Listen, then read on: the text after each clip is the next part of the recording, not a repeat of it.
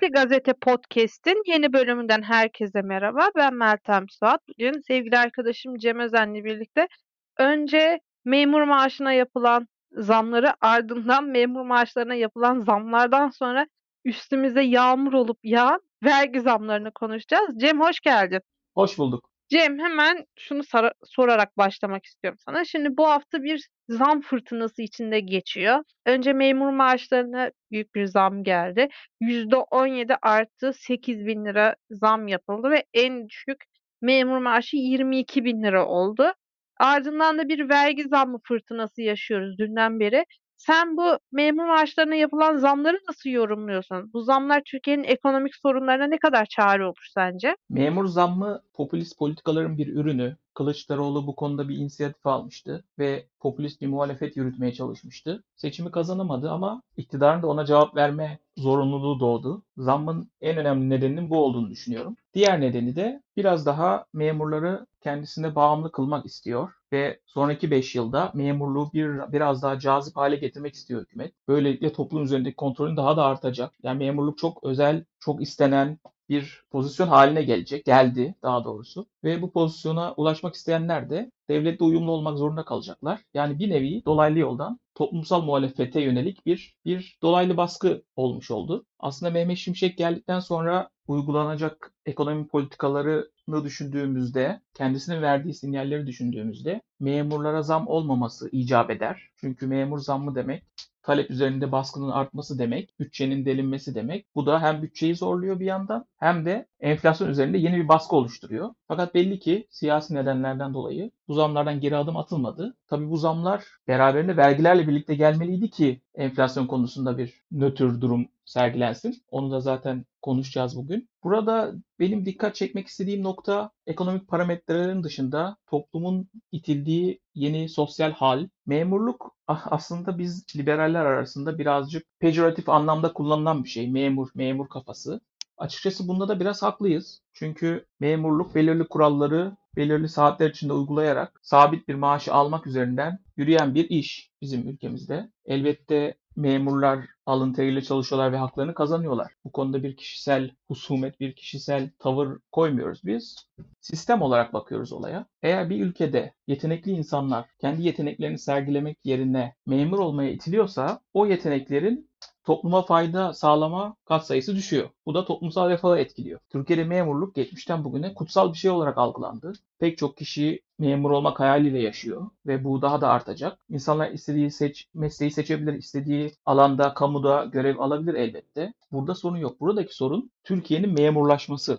Yani al maaşını otur yerine ekstra bir şey üretme zihniyetinin daha da yaygınlaşması. E zaten bu konuda muzdariplik. Pek çok laf söyleniyor. Girişimcilik, startuplar, yüksek teknoloji üretimi bir sürü süslü laf söyleniyor. Ama görüyoruz ki sahaya geldiğimizde genç insanlara sunulan alternatif bir şekilde devlete kapağı atın rahat rahat yaşarsınız oluyor. Yani baktığımızda şimdi 22 bin olduğu en düşük maaş. Fakat bu en düşük yani lise mezunu bekçi seviyesi falan. Yani birazcık normal öğretmen veya polis veya diğer mesleklere baktığımızda bu 26 bin, 27 bin, 28 binlere geliyor. Yani Anadolu coğrafyasına bakıyorum. Büyük şehirleri kastetmiyorum ama Anadolu coğrafyasına bakıyorum. Yani hani karı koca bir memur çift bugün bir 50 bin lira gelirle Anadolu'da halk tabiriyle konuşursak kral gibi yaşar. Şimdi böyle bir şey topluma sunuluyor. Benim derdim aslında o. Yani idealize edilen şey bu. E, öte yandan e, özel sektörde durum zaten karma karışık. Maaş skalası darmadağın olmuş durumda. Kimin ne aldığı, nasıl zam aldığı konusu çok kafaları karıştırıyor.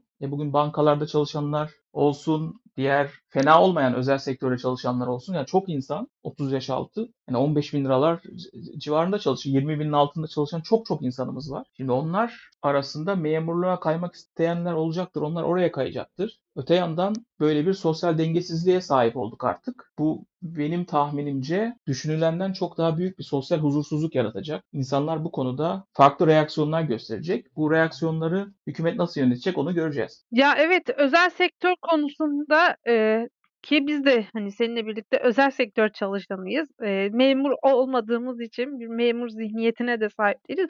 E, özel sektör bu son dönemde, son 1-2 yıldır yılda 2 kere yapılan zamlara karşı zaten hani çok büyük bir direnç gösteremiyordu. Kimin ne maaş aldığı, eee, gerçekten senin de dediğin gibi çok karmakarışıktı. Şimdi en düşük bekçi maaşı bile ₺26.000 oldu. Özel sektörde ₺26.000 maaş alabilmek için e en az bir 7-8 yıllık tecrüben olması lazım. O da, hani, büyük kurumsal bir firmada çalışıyor olman lazım. E, böyle olunca artık yeni mezun olan bütün gençler, üniversite öğrencileri, şu andaki mevcut üniversite öğrencileri de memur olmak isteyecek. Özel sektör çok büyük darbe alacak bu zamlardan sonra. Çünkü ben sanmıyorum ki orada hiçbir işverenin ₺26.000 maaş vermesini, hani, yeni başlayan birine ve senin dediğin gibi bu durumda, hani, ₹15.000'nin altında maaş alan çok çok fazla özel sektör çalışanı var. Junior diye tabir ettiğimiz o işe yeni başlayan, eee, 1'inci kademe çalışanlar var.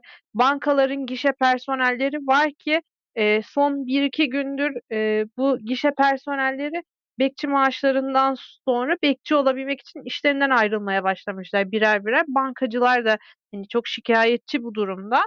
Bu memurlara bu kadar zam yapılması, hani, toplumda çok büyük bir sosyal eşitsizliğe yol açacak. Çünkü benim, eee, 8 yıllık gazetecilik tecrübesine sahip, eee, arkadaşım şu an, eee, ₹13.000 maaş alıyor ki o da, hani, sözleşmeli olarak bir kamu kurumunda çalışıyor. E, onun maaşının £26.000 olması mümkün değil. Ne yapacak bu durumda? E, ev sahibi de ona göre kira yapacak. Bak, hani, siz zam aldınız, memursun sen, sen zam aldın, e, ev kiranı %500 arttırıyorum. E, her şeye zam geliyor. Büyük bir vergi zammı eee, nın içindeyiz şu an. E, böyle olunca, hani, ekonomik düzen bana göre iyice çalkalanacak. Hani, bunu nereye kadar devam ettirecekler? E, hem bakanın hem de cumhurbaşkanının aklındaki plan ne bilmiyorum ama aslında çok da, hani, şey değil, adil bir zam olduğunu düşünmüyorum bu kadar yüksek zam getirilmesini. Şimdi hazır memur maaşından, eee, söz açılmışken biz aslında, eee, memur maaşından sonra büyük bir vergi zammıyla karşı karşıya kaldık. Telefonların IMEI ücreti ₹20.000 oldu. Yani yurt dışından getirilen telefonların kayıt ücreti ₹20.000 oldu. Pasaport harcına zam geldi, KDV'ye zam geldi. Şampuandan bile alınan KDV'nin oranı %20 arttırıldı. Sen bu vergi zammı hakkında ne düşünüyorsun? Vergi zammı memur zammıyla gelen bir şey. Oradan ortaya çıkacak olan talebi biraz kısmak için böyle bir şey gerekiyordu. Bu bekleniyordu. Bu tırnak içinde nasıl uygulanacağını bizim de bilmediğimiz acı reçetenin bir ayağı, talebin kısılması gerekiyor. Bu da vergi artışıyla sağlanan yollardan birisi. Dolayısıyla beklediğimiz bir konuydu. Nelere vergi getirildiğine baktığımız zaman KDV konusu önemli. Sanıyorum 22 yıl sonra ilk defa KDV bu seviyeye çıktı. Bu kadar artırıldı. Yani %18 olan KDV %20'ye çıkarıldı. 8 olanlar da 10'a çekildi. Senin belirttiğin temizlik ürünleri de Mart ayında %8'e çekilmişti seçim öncesinde. Şimdi %20'ye çıkarıldı KDV oranı. Basitçe bu her şeye zam demek. Çünkü yani satın alınan her şey Türkiye'de hemen hemen her şey e, KDV'ye sahip. Dolayısıyla genel olarak her şeye zam geleceğini öngörmemiz lazım. Buradan birkaç çıkarım yapmak lazım. Bunlardan bir tanesi birkaç yıldır hükümetin sürdürdüğü bir politika vardı, bir söylem vardı, bir hikaye vardı. Bu zamlar niye oluyor diye sorulduğunda verilen cevap stok yapan halci, büyük marketler, bakkallar, patates soğancılar gibi tamamen satıcıya yönelik bir hedef gösterme vardı. Artık bunun çok da sürdüremeyeceğini söylemek lazım. Artık insanlar bilecek ki bir şeye zam geldiyse niye zam geldi diye sorduğunda satıcıya ki bu çok oluyor. Yani son iki yıldır her zaman bu kadar zamlandı mı, niye bu kadar pahalı sorusuna muhatap oluyor satıcılar, esnaf. Şimdi nedeni artık daha açık. En azından söylenebilir. Vergi geldi. Yani KDV arttı. Bu her şeye zam demek. Bir diğer konu işin sınıfsal boyutu. Buraya çok çok dikkat çekmek lazım. Erdoğan yönetimi uzunca bir süredir özellikle vergi politikasını, genelde maliye politikasını ve ekonomi politikasını ama özellikle de vergi politikasını belirli kesimleri hedef alarak uyguluyordu. Bu kesimler genelde şehirli çalışan kesim, şehirli orta sınıf da diyebiliriz. Bu kişilerin tüketim kalıplarına yönelik, hayat tarzlarına yönelik bir vergilendirme var. Bu sadece laiklik, muhafazakarlık çizgisinde değil, o, o var zaten. Yani alkole yüksek vergi gibi. Öte yandan tüketim kalıplarına yönelik bazı şeyler var. Yani özellikle ithal mallar, yani oyun konsollarından tutun cep telefonlarına kadar bunların yüksek vergilendirildiğini görüyoruz. Yeni gelen vergilere baktığımız zaman da pasaport harcı yurt dışından gelen telefon, şans oyunları bu tip şeyler belirli sınıflara bir yük olacak. Yani uzunca süredir sürdürdüğü bu politikanın yine yansıdığını görüyoruz. İnsanlar tabii şunu soruyorlar. Hak, haklı olarak soruyorlar derler ya, haksız olarak soruyorlar. Yani Konya'daki insan iPhone kullanmıyor mu? Şans oyunu oynamıyor mu? Kayseri'deki adam oynamıyor mu? Ya elbette kesişim kümesinde çok insan vardır. Ama ekonomi sonuçta tercih demektir. Bir şeyleri bir şeylere tercih ediyorsun. Yani şans oyunu koyduğunuz zaman bundan en çok etkilenen kesimler belirli kesimler. Veya pasaport harcı bunu artırdığınız zaman yani pasaportu kim alıyor? Ya bugün Türkiye'de 10 milyon kişinin pasaportu var. Bunların da azımsanmayacak bir bölümü hacca gidenler. Yani Suudi Arabistan'a gitmiş gelmiş bir kere onun pasaportu var. Şimdi böyle düşününce asıl hedeflenen kitleyi görebiliyoruz. Bunu da açıkçası deşifre etmemiz lazım, afişe etmemiz lazım. Yani toplumun bir bölümü diğerinin sırtına bu kadar bindirilemez. Açıkçası ben son gelen vergi zamlarından bunu böyle okudum. Evet, özellikle de senin dediğin bu hani de iktidar belli bir kesimin üstünden zıbun başkalarını geçindirmeye çalışıyor dedin ya. Şimdi baktığın zaman asgari ücretli kendisine verilen zamlardan görece memnun. Memurlar iyi bir zam aldı. Ortada kalanı orta sınıf ve beyaz yakalı diyebileceğimiz kesim için artık hayat gitgide zorlaştı. Çünkü ben şahsen 8 yıllık mesleki geçmişi olan bir insanım. Artık şampuan alırken bile iki kere düşünmem gerekecek. Yani neden bu o zaman yaşıyorum ki? Ben şampuan alamıyorum, dışarıda kahve içemiyorum, dışarıda alkol alamıyorum, hiçbir şey yapamıyorum. Sadece hayatımı minimum düzeyde devam ettirebilmek için çalışıyorum. Ama baktığın zaman hani devlet okulunda okudum. Hayatım boyunca beni devlet okuttu. Devlete faydalı olabilmek için okudum aslında bu ülkenin bir vatandaşı olarak. Ama devlet bana diyor ki sen hayatını Survivor oyunundaki gibi düşün. Yaşamak için hayatta kal. Hani gerisine karışma. Şimdi alkole %20 KDV artışı geldi. Sabuna, deterjana, tuvalet kağıdına artış geldi. Alkol politikaları platformunun da güzel bir sloganı var. Sen de çok iyi biliyorsun.